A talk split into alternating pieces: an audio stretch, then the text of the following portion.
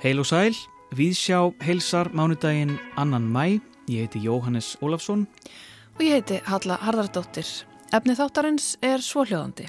Við lútum höfði fyrir því sem fellur, tímin og nattnin og fenæjar. Jörðin er að reka okkur burt úr þessum fallega gardi sem við búum í, sem gæti verið unanslegur en er orðin svo litið skjálfilegur. Áður var það eten en nú er það jörðin. Segir Alda Björk Valdimarsdóttir um efni nýrar ljóðabókar. Við lútum höfði fyrir því sem fellur. Þetta er önnur ljóðabók Öldu Björkar sem nýlega kom út undir merkjum JPVAF. Þar er að finna stórsögulegar vangaveltur um uppruna mannsins, trú og tilvist okkar litlu tegundargakvart alheiminum. Ástinn kemur einnig við sögum en það er ást á tímum fellibilja. Við fáum Öldu Björk í heimsókn í lokþáttar, ræðum bókina og hlýðum á nokkur ljóð. Nordic Folk Alliance er ráðstöfna um þjóðlega tónlist sem haldin er ár hvert. Þar koma saman listamenn sem fást við það sem flokkam á sem þjóðlega tónlist í víðum skilningi, kynner sig og ber saman bækur sínar. Að þessu sinni var háttíðin haldin í Gautaborg og það vil svo vel til að Þorgerður Ása Adalsteinsdóttir, dasgrafgerðarkona hér á Rás 1, var á stanum. Hún færir okkur fréttir og upptökur af háttíðinni hér á eftir, þar á meðal í samískum barkasöng og í íslenskum listamennum sem að þar stegu á svið. Við fáum líka pistil frá Byrni Haldórsinni. Í dag veltir hann fyrir sér tímanum sem líður og reynir að setja fingur á hvenar það var sem hans eigin tími breytist úr einhverju sem þurft að eigða í takmarkaða auðlind sem hann átti aldrei nóaf. En við byrjum á fréttum frá fenniðum. Okkur berast þessa dagana margar fréttir frá fennegar tvíaringnum. Í síðustu viku var kunngjört hvaða listamenn hljóta gildu ljónin. Það eru breska listakonan Sonja Boys og bandariska listakonan Simon Lee sem að hljóta aðalverlunin þetta árið. Og það eru miklar fréttir því aldrei áður hafa svartar konur verið fulltrúar landa á háttíðinni og aðeins einu sinni áður hefur svört kona unni til verluna á háttíðinni í 127 ára sögu tvíæringsins. En það var Adrian Piper sem fekk velunin 2015 fyrir besta verk hátíðarinnar.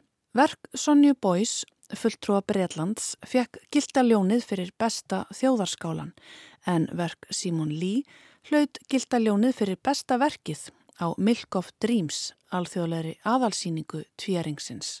Að auki fengu þjóðarskálar Fraklands og Uganda sérstakar tilnemningar. Verk Boys Feeling Her Way er markmiðlunar innsetning sem að drefur fram störf fimm svartra tónlistarkvenna. Verkið samanstendur á fjórum stórum skjáum sem hver og einn sínir æfingaferli hverja listakonu í stúdiói og ekki bara hvaða stúdió sem er heldur í stúdiónu þar sem að bítlaplatan Abbey Road var tekin upp. Tónlistakonurnar Jackie Dankworth, Poppy Adjuta, Sofia Jernberg, Tanika Tikaram og tónskaldið Erolin Wallin gera í upptökunum allskynns tilraunir til að mynda með hljóð og andardrátt. Hver skjár beinir sjónum að einnir tónlistakonni einu en hljóðin fljættast svo saman og verða eins konar margrata kór í eirum gesta sem að ganga um rýmið. Í umsögn um verkbóis myndist domnemdin á mikilvægi þess að draga fram æfingaferlið sem að tónlistarfólk glýmir við á leiðsinni að endanlegu markmiði aðýta undir mikilvægi tilraunarinnar en ekki fullkominnar loka útgáfu. Eftir að það var tekið við velununum sagði listakonnan að ein spurning hefði kveikt hugmyndina verkinu. Og svo spurning er hvaða merkingu hefur frelsi fyrir svarta konu. Bandariska listakonan Simon Lee var einnig fulltrúi síns lands bandaríkjana á hátíðinni þar sem hún umbreytti arkitektúr neoklassíska þjóðarskálans með stráþæki og viðarsúlum svo að útkoman varð eins og hefbundin afrískur arkitektúr. Hún fekk ekki velun fyrir skálan heldur fyrir að eiga besta verkið á aðalsýningu hátíðarinnar, bronskúltúrin Brick House. Aðalsýningin er þetta árið undir stjórn hinnar ítölsku Cecilio Alimani og hefur yfirskriftina Milk of Dreams sem er vísun í barnabók með samanapni eftir surrealísku listakonuna Leonoru Carrington. Verk Lý, Brickhouse, er fyrsta verkið sem að tekur á móti gestum á Arsenalisvæðinu þar sem að aðalsýningin stendur. Það var ekki gert sérstaklega fyrir síninguna heldur pantaði Cecilia Alemanni það sem útilistaverk fyrir Highlane svæðið í New York árið 2016. Verkið er það fyrsta sem að listakonan steipir í brons en hún hefur hingað til aðlöfinu með keramík og verkið er einnig það fyrsta í seríuverka sem að hún kallar Anatomy of Architecture. Brick House er massíf 5 metra há brjósmynd úr bronsi af svartri konu með fléttur í hári, engin augu og í stað búks er neðluti stittunar eins konar pils í formi hús. Formið verður hálf abstrakt en hér er lí að vísa í afriskan arkitektúr sem byggist á ringlaga formi og leir en einnig í frækt veitingahús í Mississippi sem er eins og kona í pilsi í læginu. Lí hefur sagt, eftir að hún tók við verlununum, að til að segja sannleika þurfi oftast að finna upp það sem að vantar í heldarmyndina að fella saman tímabil og hlutföll og reyfa við hlutum til að mynda ný sjónarhorn. Einungist þannig byrtist eitthvað annað en staðrendir. Líbanski listamæðurinn Ali Cherry hlaut Silfurljónið í ár en verk hans talar inn í þema hátíðarinnar sem er samband manns og náttúru. Verkið samastendur af þremur skúlturum úr leir sem að kallast Titans og þryggjarása myndbandsverki sem að kallast Of Men and Gods and Mud. Tvennsjastug aukaverlun hlutu Lynn Hörsmann Lísson frá bandaríkunum og grænlenska listakonan Suvinai Asjona. Verk Lísson var myndbansverkið Cyborg 1. Þar byrtist kona í samtali við gerfigreindar útgáfu af sjálfri sér um ítök gerfigreindar í nútíma samfélagi. Verk Asjona eru teikningar sem að skoða hefðir frumbyggja á Grænlandi og samband þeirra við aðrar líferur. Þetta yfirlit yfir vinningshafana á Fenejar tvíanignum í ár verður ekki lengrað sinni en leikúsrýnur okkar, hér í Vísjá, Nína Hjalmarsdóttir, hún heimsótti Fenejar tvíaningin í liðinni viku og ber okkur sínar fréttir þaðan í pistli nú í vikunni. Það verður spennand að heyra hvað Nínu finnst standa upp úr á háttíðinni.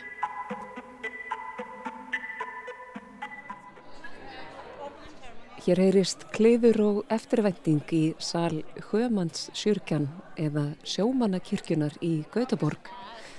Einn af nokkrum tónleikastöðum þar sem raðstefnan Nordic Folk Alliance fór fram. Hingað höfðu streymt listamenn og skipurlegendur frá flestöllum Norðurlöndunum en líka einhverjir frendur okkar úr söðri. Það er frá Skotlandi og Írlandi. Framundan næstu tvo daga voru ímsir fyrirlestrar og svokallæðir síningartónleikar eða showcase. Þrjú íslensk atrið stigu á stokk, Svavar Knútur, Umbra og Blott Harmony. En opnunaratriðið var í höndum norskrar sveitar sem kallar sig Stampestuven, sem mætti útleggja sem Stappstofan á íslensku. Á efniskráð þeirra voru lög sem saman voru í orðastað glæpamanna fortíðarinnar. Fólk sem hafi komist í kast við laugin á 19. öld og verið stungið í steinin. Oft verið eitthvað algjört lítilræði á okkar tíma mælikvarða. Við heyrum nú brotur einu lægi þeirra.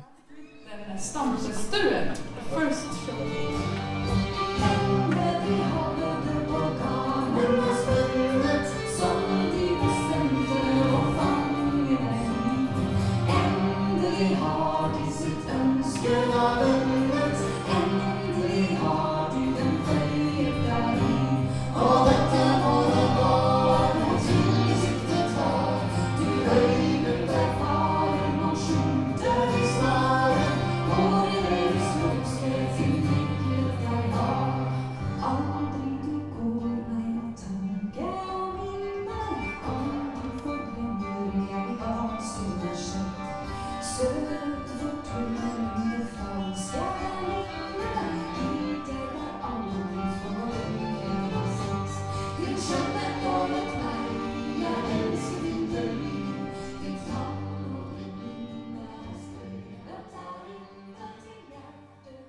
Næstur á svið var Svavarknútur sem sló rækilagi gegn með einlegum flutningi og gamanmálum á milli laga. they are my favorite time of day to, to sleep. Um, Háa yfir mjúka, hímins fingur strjúka, morgun glóðin hilsar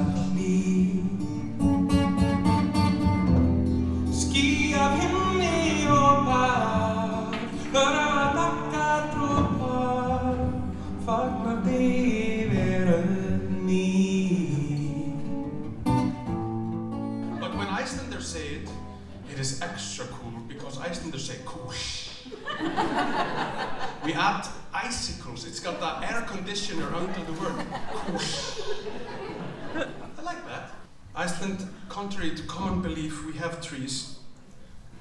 And both of them are in Reykjavik.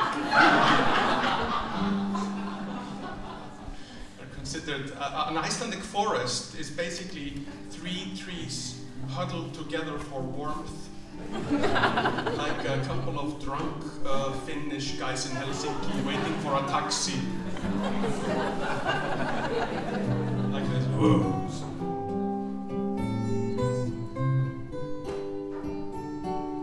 Ekkert vel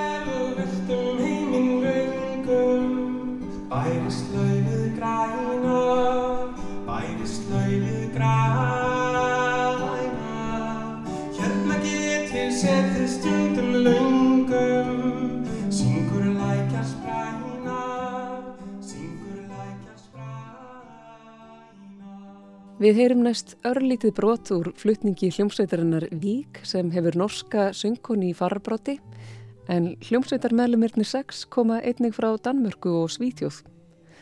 Sviðsframkoma þeirra var sérlega kraftmikil og vonandi skilar brota því sér á upptöku.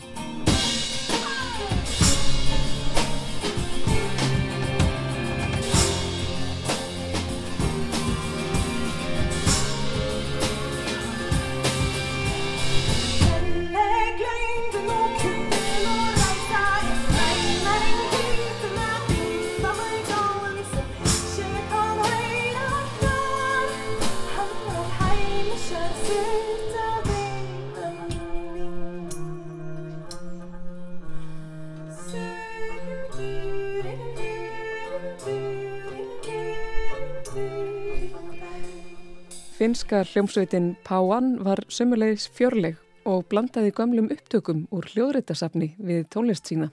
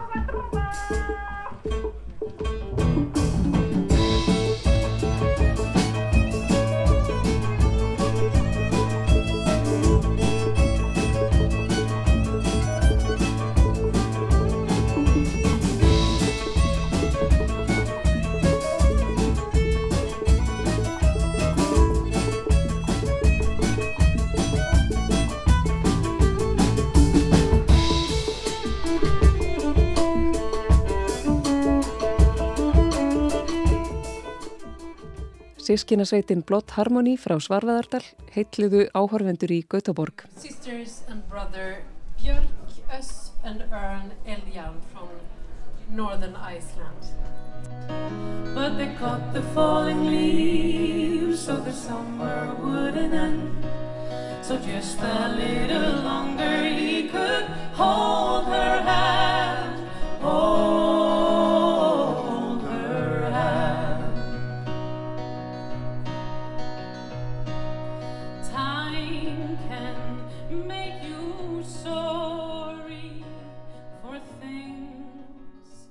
you Finska þjóðlagasveitin Frigg kerði síðan rækilega upp stemninguna með hefbundnum hætti.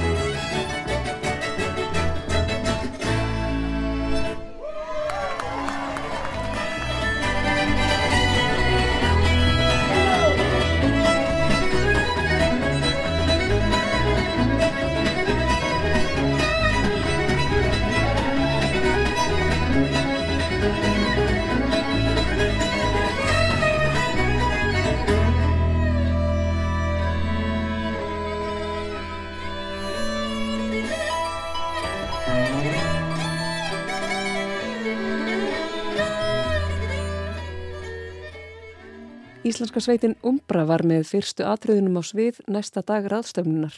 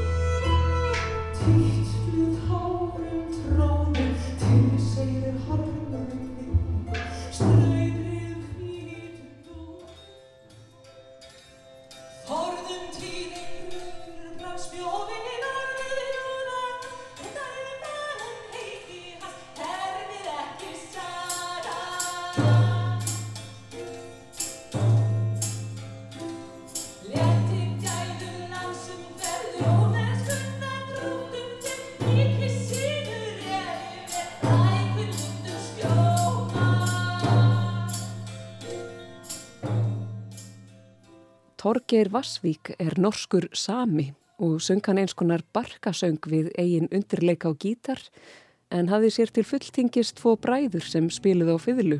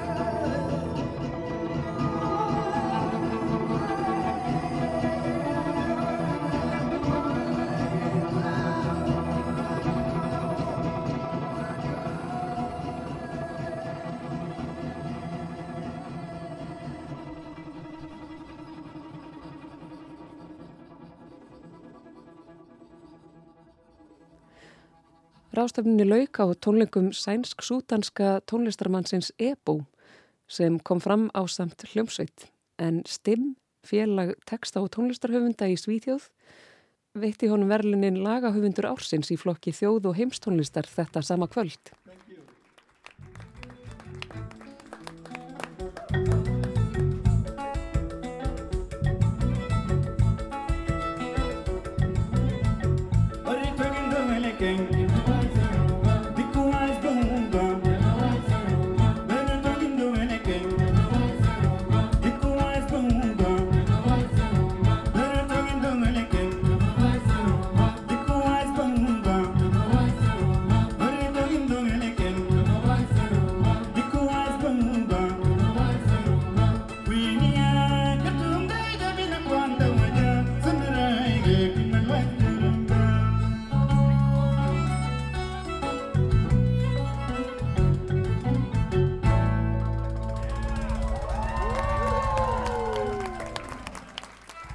Þorgerður Ása Avalsteinsdóttir fjallaði þarna um Nordic Folk Alliance að ráðstefnu um þjóðlega tónlist í Gautaborg. En hér næst ætlum við að fjallum tíman korki meirinni minna. Björn Haldorsson, peislahöndur við sjár, tekunum við. Við hjónin vorum með húsfundum daginn og ég notaði tækifærið og spurði nágrannana hvort slögin í afaklukkunni okkar væru nokkuð að valda þeim ónæði. Þau kváðu og sögðust ekkert hafa orðið vör við þau og mér var létt að heyra að það væri ekki hljóðbærara en svo. Viku setna stoppaði nágranni minn mig á stigaganginum og sagði Það er svo skrítið, ég heyrði ekkert í klukkunni ykkar þar til þú spurðir okkur um hana En núna heyri ég alltaf í henni. Ég fór með einhverjar afsakanir og bölvaði sjálfu mér í hljóði fyrir að hafa minnst á klukkuna yfir höfuð. Ég hefði átt að vita betur. Því þannig er það með tíman. Þegar þú byrjar loksins að veita honum aðtegli, sleppur þau ekki svo öðveldlega frá honum aftur. Í rauninni er rangnefni að kalla þessa klukku afaklukku þar sem ég fekk hana úr dánarbúi ömmu minnar. Ömmu klukkan slær einu sinni á halva tímanum og á heila tímanum slær hún frá einu og upp í tólf slög. Oft má heyra það á slögunum hvort tími sé komin til að trekja hana upp, þegar þau eru orðin hæg og sílaleg og maður býður í ofvæni eftir því hvort hún orki að telja upp í tólf. Þegar hún er ný upptrekt eru slögin hins vegar full fjörug fyrstum sinn og það fer minna fyrir hátíðleikanum. Mér hefur tegist að halda ömmu klukkunni sæmilega réttri en hún á það þó til að fara út af sporinu. Það gerist engum ef maður hefur ekki synt henni sem skildi og láðst að trekja hana upp. Allt í einu áttar maður sig á að lága tifið sem greina má í öllum herbergjum íbúðarinnar er þagnað og sér að pendullin hefur staðnæmst. Til að koma klukkunni aftur af stað þarf ekki annað en að trekja hana upp og stugga við pendulnum sem umsögalust hefur gangsinn að nýju. En eftir það tekur við nokkura daga ferli við að stilla hana aftur. Það er gert með því að snúa litlu hjóli neðst á pendulnum sem færir hann upp eða niður millimetra í senn til að hraða eða hæja á gangverkinu. Ömmu klukkan helst aldrei fullkomlega rétt til lengdar en með nattni má halda henni innan sæmilegra skekkjumarka. Ég hef heyrt það hjá mörgum að tilhugsunin um að vera með stanslöst tíf inn á heimilinu sé þeirra versta martruð en ég get vottað það að maður venst því fyrðu fljótt. Innan skams heyri maður tífið ekki nema örsjaldan þegar maður stendur sig að því að vera einn með hugsanir sínar um stund.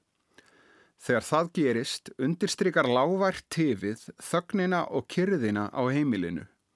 Þessi sjaldgefu augnablík þegar manni gefst færi á að finna fyrir tímanum sem líður.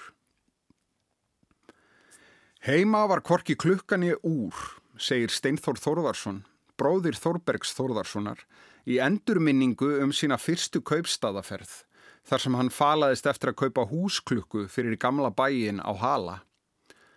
Hann heldur áfram. Það sem helst var hægt að átta sig á þegar sól sá ekki var sjöstjarnan þegar hún sást eða kýrnar þegar þær fór að baula eftir gjöfum eða mjöldum en ekkert af þessu var óbreyðult.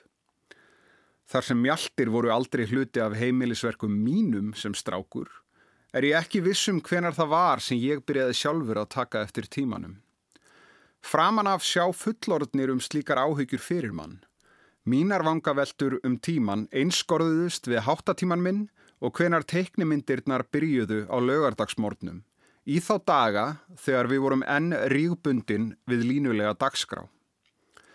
Þegar ég fekk mitt fyrsta arbandsúr, ljósblátt svartsúr úr plasti með vísum sem lístu í myrkri og ól sem er svitnaði undan, gekk ég með það á hægri hendi sem ég þótti lógist þar sem ég var réttendur.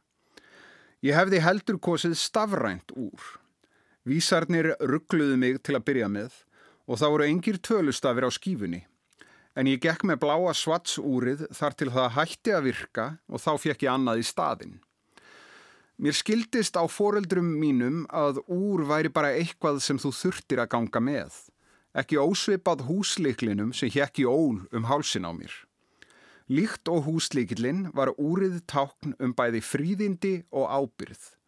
Líkillin gerði mér kleift að vera einn heima eftir skóla og úrið veitti mér rétt til að fara út að leika eftir kvöldmatt með því skilirði að ég fyldist með klukkunni og kæmi heim á skikkanlegum tíma.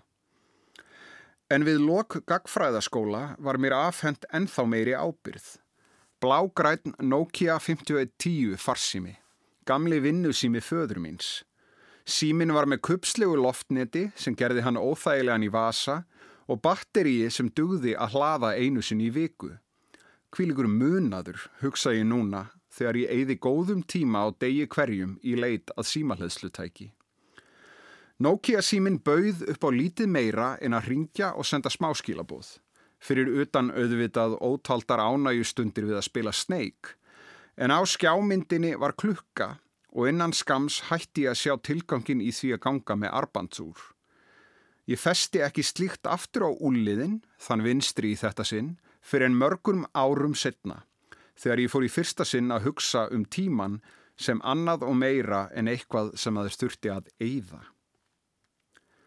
Ég hef minni þólinnmæði fyrir manni sem gengur ekki með úr en nokkur um öðrum því slíkur maður er ekki meðvitaður um tíman. Farsælt allra okkar verka byggir á því að byrja virðingu fyrir tíma okkar og meta hann að verðleikum. Svo mælti Malcolm X, maður sem hugsaði meira um tíman en margur. Hann vissi að fyrir honum lægi risavaksið verkefni og grunaði eflaust að honum myndi ekki endast æfin til að koma því í framkvæmt. Þótt mitt eigið litla verkefni í lífinu jafnist á enganhátt við það sem hann setti sér, þá voru það samt þessi orð sem urðu til þess að ég fór aftur að ganga með úr og stilti það meira segja til að titra einu sinni á klukkustund. Stanslaus áminning um hvort ég væri að verja tíma mínum vel. Þessi ofsafengna reglusemi hljómar hálf hjákátleg fyrir mér í dag. Ég hugsa að hún hafi verið afsprengi strákslegs óöryggisins sem ég fann fyrir þegar ég heyrði aðra höfunda tala um hvernig þau hefðu skrifað alla æfi.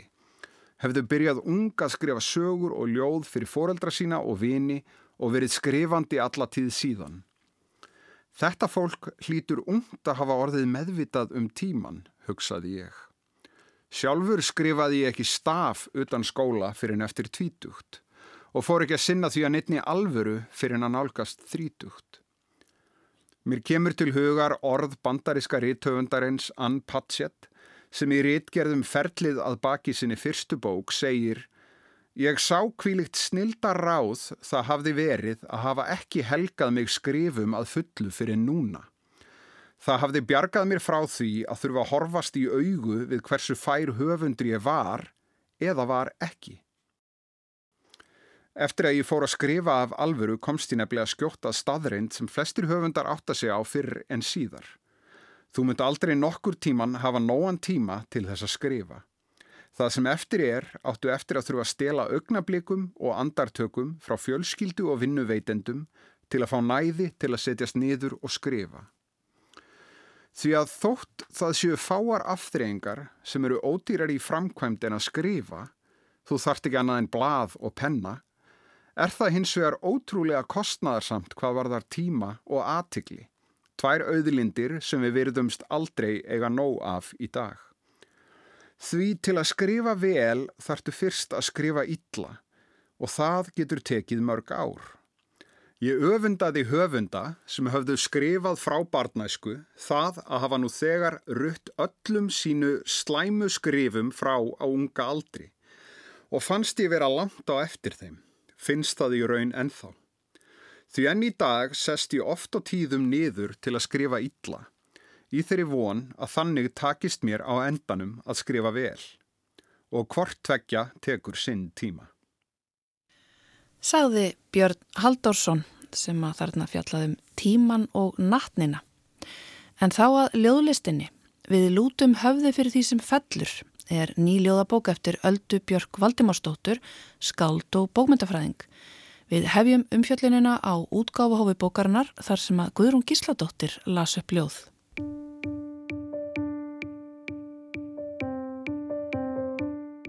Ástinn á tímum fellibiljana. Hvað er auga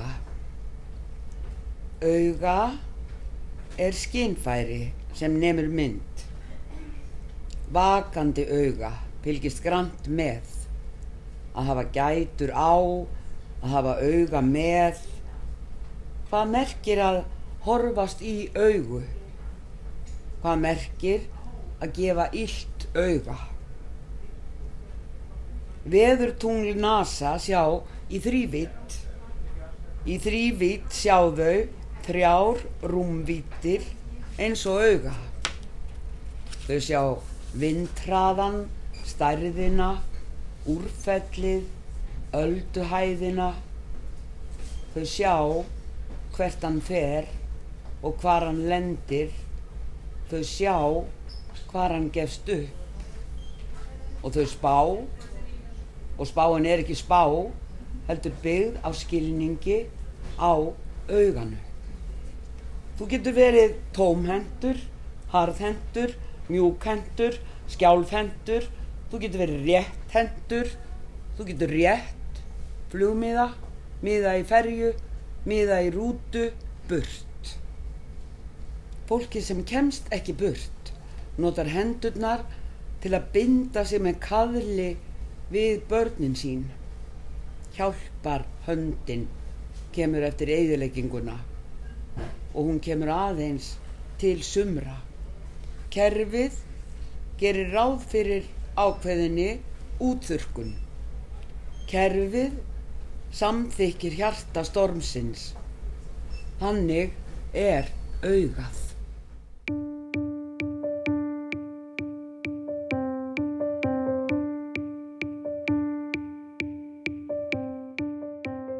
Við lútum höfði fyrir því sem fellur önnur ljóðabók Öldubjarkar Valdimarsdóttur er nú komin út undir merkjum JPVaf.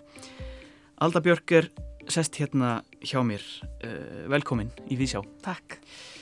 Uh, og til hamingju með þessa flottu ljóðabók, uh, svona kannski til að setja hlustendur aðeins inn í þá, þá er þetta stór og mikil bók, það er skipt upp í tvo hluta og í, byrju, í upphafinu og í lokin er eitt ljóð sem svona ramma þetta inn og við byrjum að þess á upphafsljóðinu þar, er, sko, þar kemur ástinn strax við sögu uh, án ástarinnar væri maðurinn einn og kannski staldraðis við þetta ástinn en það er ástinn einhvern veginn á tímum fellibilja þannig að þetta er svona þetta byrjar í smá svona stormi hvað Er það yrkja um þessa klípu sem við erum í, lofslagsbreytingar? Er það, er það kveikjana þessari bók?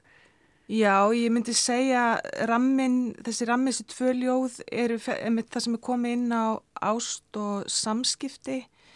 Þá er þetta kannski svona samskipti okkar á tímum, umhverfsvá, tímum mikill að hamfara. Mm. Við erum að gangi gegnum miklar umbreytingar sem mannkinn, sem tegund og það er aðeins verið að staldra við og hugsa svona á hvaða vegferð eru við, hvert eru við bara að fara mm og líka sagt, svona hvaðan komum við og það verður að fókusera mitt á, á, á líka þetta sagt, svona hvernig við tengjumst, hvernig við bindumst saman á tími mikill að hamfæra og við, mm. við þurfum kannski svona og það, það, þannig kemur þessi títill ástunum tímum, tímum fellibiljana, mm -hmm. þá kemur hann svolítið úr því að, að bindast saman og, og líka þetta án ástarna veri maður neitt, það er kannski svona, ég tala, tala líka um án döðans myndum við ekki þekka okkur sjálf Já. þannig að þetta er kannski svona sem býr undir án ástarna veri maður neitt kannski án ástarna myndum við ekki þekka okkur sjálf mm -hmm. líka, það býr svona undir neyðri þannig að þetta er að svona og hvernig við tengjumst, hvernig við bindumst saman snertingin, hvernig við snertumst þú veist, við hérna værum bara ef það væri ekki fyrir ástana þá væri við bara eini einhverju tómi Já. og kannski svona umfyllunum, eða þú veist, kannski svona pælingar líka um bara eins og með unga börn, þú veist ég tala svolítið um unga börn og mhm. tengst mm. hérna móður og, og fósturs Einmitt. og þá er þetta kannski líka með unga börnin ef að þau, þau get ekki lifað af án snertingar og ef að þú tekur upp unga börn og, og þú brosir ekki eða sínir, sínir því ekki hlýju mm. þá fer það bara að gráta þannig að við, við getum ekki lifa af án ástarinnar, Já. getum ekki lifa án, að, án snertingar á þess að tengjast, þá erum við bara einn einhverstaðar í einhverju tómi. Þannig að þetta er svona rammi bókarnar og síðan fer ég út í að fjalla um umhverfsvánuna, um hamfarinnar og um það sem svona skiptist í fyrir hluta og setni hluta og í setni hlutanum þá fer ég aðeins út í bara eiginlega sköpuna söguna, hvernig við erum mótið af trúabröðunum, hvernig við erum mótið af vísindunum, hvernig við erum mótið af hérna, efni, hvernig hvað það er sem við höfum öll sameigilegt. Mm ég svolítið að skoða það hvernig við erum einmitt bundin hvort öðru og við erum að gangi gegnum þetta saman, við þurfum svolítið að standa saman, mm við þurfum svolítið að vera, taka baráttuna saman, við, við þurfum á hvort öðru að halda.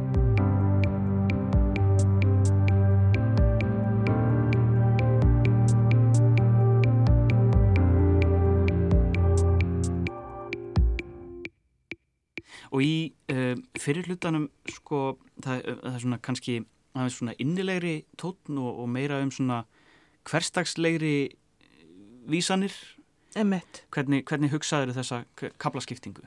Já, ég hugsaði eiginlega, þetta er enda skrifað aðeins mismöndi tímum líka, fyrir hlutinni skrifað aðeins fyrr. Setni hlutin mm. kom svolítið í svolítið gusu á, á stittri tíma.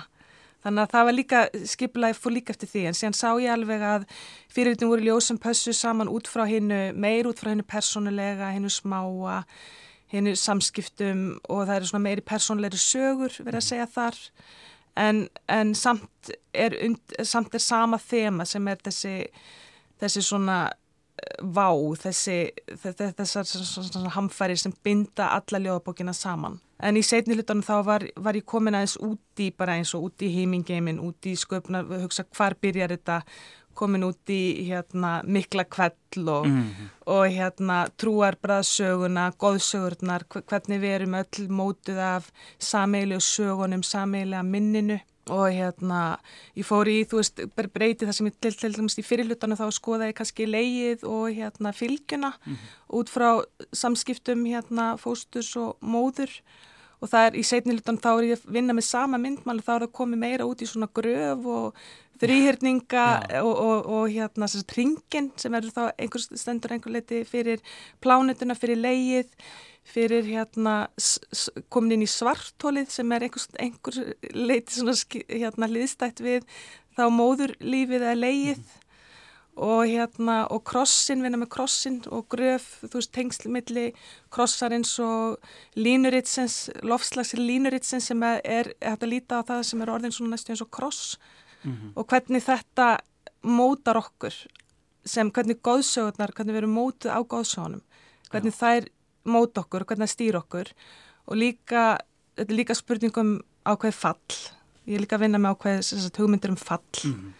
þannig að hérna fall í svolítið margraðum skilningi. Margrað, skilningi bæði stjörni sem falla maðurinn eins og stjarnar sem fellur saman mm -hmm.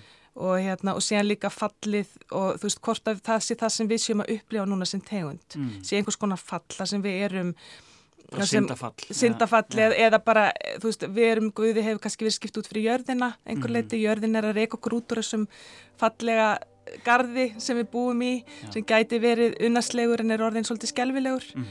og það áður var það eten úr það jörðin sem er að reyka okkur bara burt.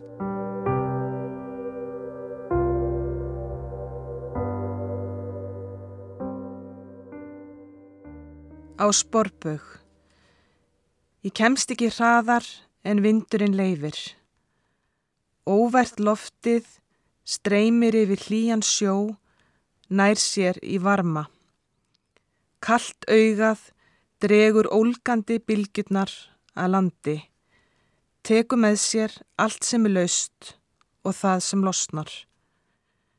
Jörðin sveigir þið til hlýðni eins og stormin um hverju spjart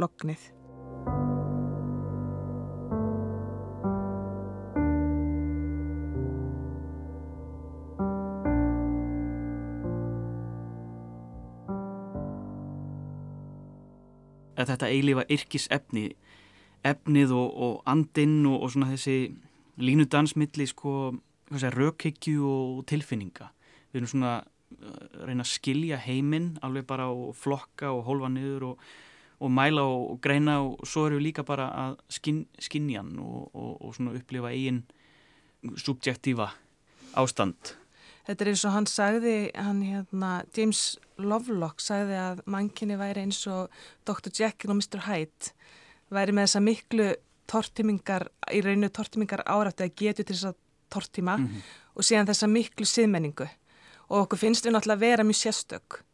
Við upplifum okkur, við erum náttúrulega alin upp þannig að við séum sem tegund mjög sérstök en við erum bara hluti af stóri lífríki. Og við erum í rauninni, er jörðin að segja okkur það og gefa okkur þau skilabóð, við erum ekkert við erum ekkert eins kannski merkileg eins og við höldum að við séum mm. og maður veit að náttúrulega að tegundir það er degja út Já. og það er þá bara spurning og ég held að við eigum svolítið erfitt með að horfa stjögu við það, erfitt með að finna það, upplifa það og skilja það að þetta gæti verið möguleiki mm. vegna þess að við erum þú veist, við, við erum mjög bara svona alin uppið það og trúum því að við séum sem tegund mjög spes. Já, og við eigum erutt með að trúa því að við, mm. get, við hérna litla, litla veran getum haft þessi rosalegu áhrif. Við, svona, við höfum verið svolítið treg við að bara Já. trúa þessu. Já, virðist vera. Við höfum, höfum ver, ver, verið það sko, síðan eins og við höfum eins og sagast að tala um með að mæla. Þú veist, við höfum svo mikla getu til þess að skilja og mæla og það mm. fjalla ég eins um í hérna ástum tímum fellibiljana um þetta, þú veist, líka þetta kalda auga, auga sem er annars verið, ég tala mjög mikið um augu, þú veist, auga fellibilsins, auga kervisins, auga kapitalistans, kapitalismans, auga vísindamannsins sem er einhver leiti kald eins og auga fellibilsins. Já. Og þú veist við, við höfum þess að getu til þess að, til þess að hérna, skilja veruleikan, mælan. Mm -hmm.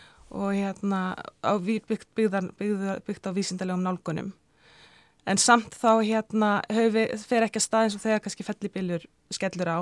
Þá fer ekki að stað ákveði svona kerfi eða eða svo, svo, svona þú veist það er, það er, það er hjálpin eins og tala um hjálpin kemur bara til sumra. Mm. hjálpin kemur ekki til allra.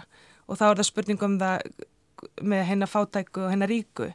Að hjálpi þú veist þeir, þeir, þeir sem eru þau ríki sem eru fátækust verða vest úti. Þess að innviðnir eru ekki til staðar og eðileggingin er mest þar mm. og þá kemur hjálpin síðu til þeirra Já. líka og fer síður hérna, og uppbyggingin verður og síðan er alls konar tækifærsmennska sem fer að stað líka við hamfærir, þú veist kapitalistatnir eða hérna, viðskiptajöfratnir sem að fara að stað í uppbyggingu og sjá kannski sem tækifæri til þess að byggja upp mm. þar sem eðileggingin er, er sem mest mm -hmm. þannig að þetta fer að stað þetta, þetta, ég verður að vinna svolítið með þetta, þetta kalda auga sem er síðan líka verður í setni lutanum í að ljósinu líka. Við vinna með svona myndbans og vatni já, augað og vatni sem svona einhvers konar vinna með andstæðu líka. Mm. vatni sem þá svona ég tengi svona við hennu kven, kvenlega tengi ljósi við karlæga og föðurinn eirunni orðað þannig. Já, þannig að það er svona það er svona verið að vinna með andstæðu líka sérstaklega setni í lutanum mm. að við hugsa mjög mikið út frá held ég en það svolítið út frá andstæðum bara gott, eins og gott íltótt að það sé flókið og við en þá, þá höfum við svona tilneingu líka til að hugsa svolítið út frá andstæðum og þetta er svona í hérna í frumyndunum og í það eru ákveðnar andstæður í, í hérna bara í frumyndunum og atómunum Já. sem ég er að vinna með líka eða fer, fer, fer niður í það alveg. Þú ert þinn forni fröskuldur milli heimanna. Ég vissi það um kvöldið þegar stjörnundnar horðu niður Þar horðu niður og sögðu ekki orð Við lútum höfði fyrir því sem fellur eins og grasið í rigningunni. Engin kennir þér að deyja samt veistu að þú kanta.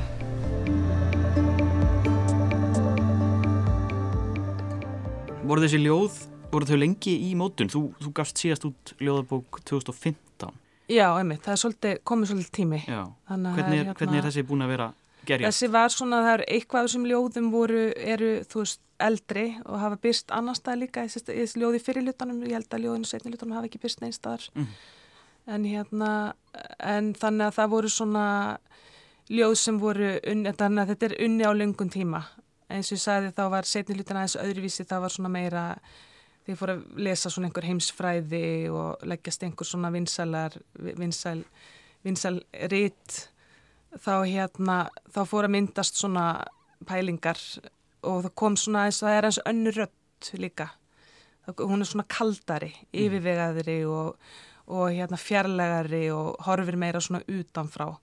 Og þetta er svona kannski rött sem að dæmir ekki og er kannski eins og kannski ekki eins mikil svona samlíðan sam, í, í þeirri, þetta er meiri svona einhver svona kald, kannski kald svolítið spá, spá, spámannsrött mm. sem kemur í, kemur hérna í setni hlutanum sko á meðan það er meiri, meiri svona tilfinningar og tilfinningasemi í, held ég, í fyrir, fyrir hlutabókarnar. Já, svona aðeins personleiri, personleiri vísanir. sögur og vísanir verða að vinna með svona fari yfir á hins, við hins personlega mm. og með að fara aðeins út úr út úr hennu personulega í, í setni hlutanum og farið svona meira úti einmitt góðs, góðsögulegar pælingar og trúabröðin og vís, vísinda hugleðingar. Akkurát. Hvernig er svona vinnuferlið þitt í, í ljóðagerð? Hvernig er, sko, þú ert bókmyndafræðingur, uh, sko, hvernig er að samtfinna þetta eða aðskilja uh, ljóðskáldið og bókmyndafræðingin?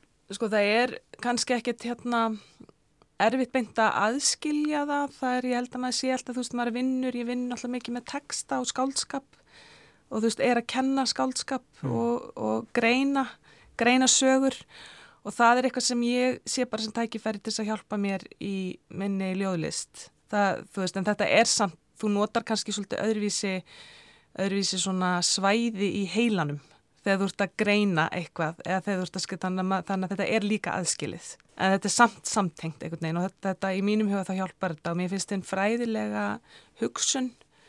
Mér finnst hún alltaf vera skap, mér alltaf finnst hún vera mjög skapandi og mér finnst hún passa vel við ljóðið. Mér finnst hún kannski passa betur við ljóðlistina heldur en prósan. Því hún er svona, þetta er svona þjöppuð hugsun sem bæði sprettur úr myndi ég segja myndlistinni, tónlistinni en líka úr svona heimsbyggilegri fræðilegri, fræðilegum hugmyndum mm. þannig að mér finnst svona allavega fræðin passa vel við ljóðlistina og, og, og náttúrulega sjálfsögðu skálskapurinn hann náttúrulega augljóst hvernig hann passar, passar inn. Akkurat, og er, er alltaf kveikt á ljóðskaldinu, ertu að poppa upp svona einhverjar ljóðmyndir þegar þú ert í já, fræði vinnunni Nei, það er ekki alltaf sko, ég þarf eða þess að ég er hérna þar svolítið stundum að setja mig nú er því í svona ákveðna stellingar mm.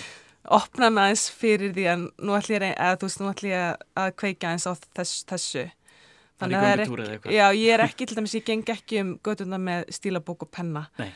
og er alltaf að, alltaf að hugsa um, ég ger það ekki sko, ég er ekki alltaf, alltaf að ganga um gödunar með með, með sagt, það í huga ég þurfa að hérna, passa upp á allar hugmyndir, allar setningar allt, allt sem mann, þú veist, dettur í hug. Mm -hmm. þannig að ég ger það ekki. En það þýr að náttúrulega maður oft missir af ymsum hugsunum og ymsum hugmyndum sem maður fær Já. vegna þess að ég skrif þetta ekki niður ég er ekki að gengi með neitt á mér, ég er bara þú veist, ef ég fyrir út í göngutúri kannski hérna við sjóin eða, eða skógin eða eitthvað, skulliðin eða eitthvað svo les þá hérna, þá er ég ekki að hugsa að hérna nú þurfum við að, að, að hafa ljóðlistina í huga. Nei, þessi eitthvað svona pressa. Nei, nei, nei, ég er einni bara að slaka á. Þannig að Já. það þýr að líka, maður kannski er ekkert, þú veist, að hugsa um sig ómikið, að skilgarna sem ómikið út frá þessu. Mm. Þetta er svona, ég held að, ég held að Lúis Glick hafi sagt að hérna, að þú ert, þú ert í rauninni ekki ljóðskáld svona dagstaglega. Mm. Kannski ertu þá með úr að skrifa ljóðinn en síðan ertu bara eitthvað sem kannski langar mikið til þess að vera ljóðskald þess á milli þannig að þetta er, þetta, þetta er ekki þannig svona djúpur hluti af sjálfsmyndinni Það er úrvinnsla þá eitthvað tíman svona síðar meir þegar þú ert eitthvað neginn í réttum aðstæðum þá, Já, einmitt, já, já, svo sprettur það náttúrulega líka alltaf út á personleiri reynslu Já Það gerir það alltaf, þú teik, verður alltaf að taka held ég reynslu heiminn inn í, inn í og það er þú veist hugmyndir spretta líka upp úr personleiri einslu held ég sko Já, alltaf. Akkurát. Við skulum bara segja þetta gott, Alda Björk Valdimarsdóttir til hammingju aftur með þessa nýju ljóðabók og uh, gangið er sem allra best bara í, í skaldskapnum og, og skaldskapafræðunum. Takk kærlega fyrir mig, takk fyrir.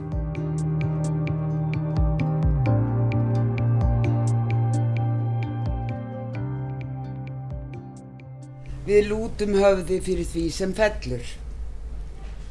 Börn fæðast ekki gráðug. Þau geta einfallega ekki lifað án ástar.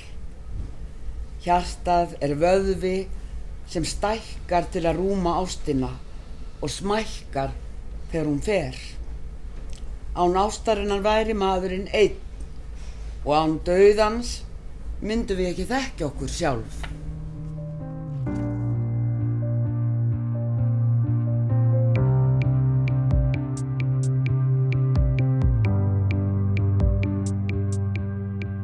Tónlist eftir Trent Reznor, betur þekktur sem Nine Inch Nails, á samt Atticus Ross og Gustavo Santaolalla.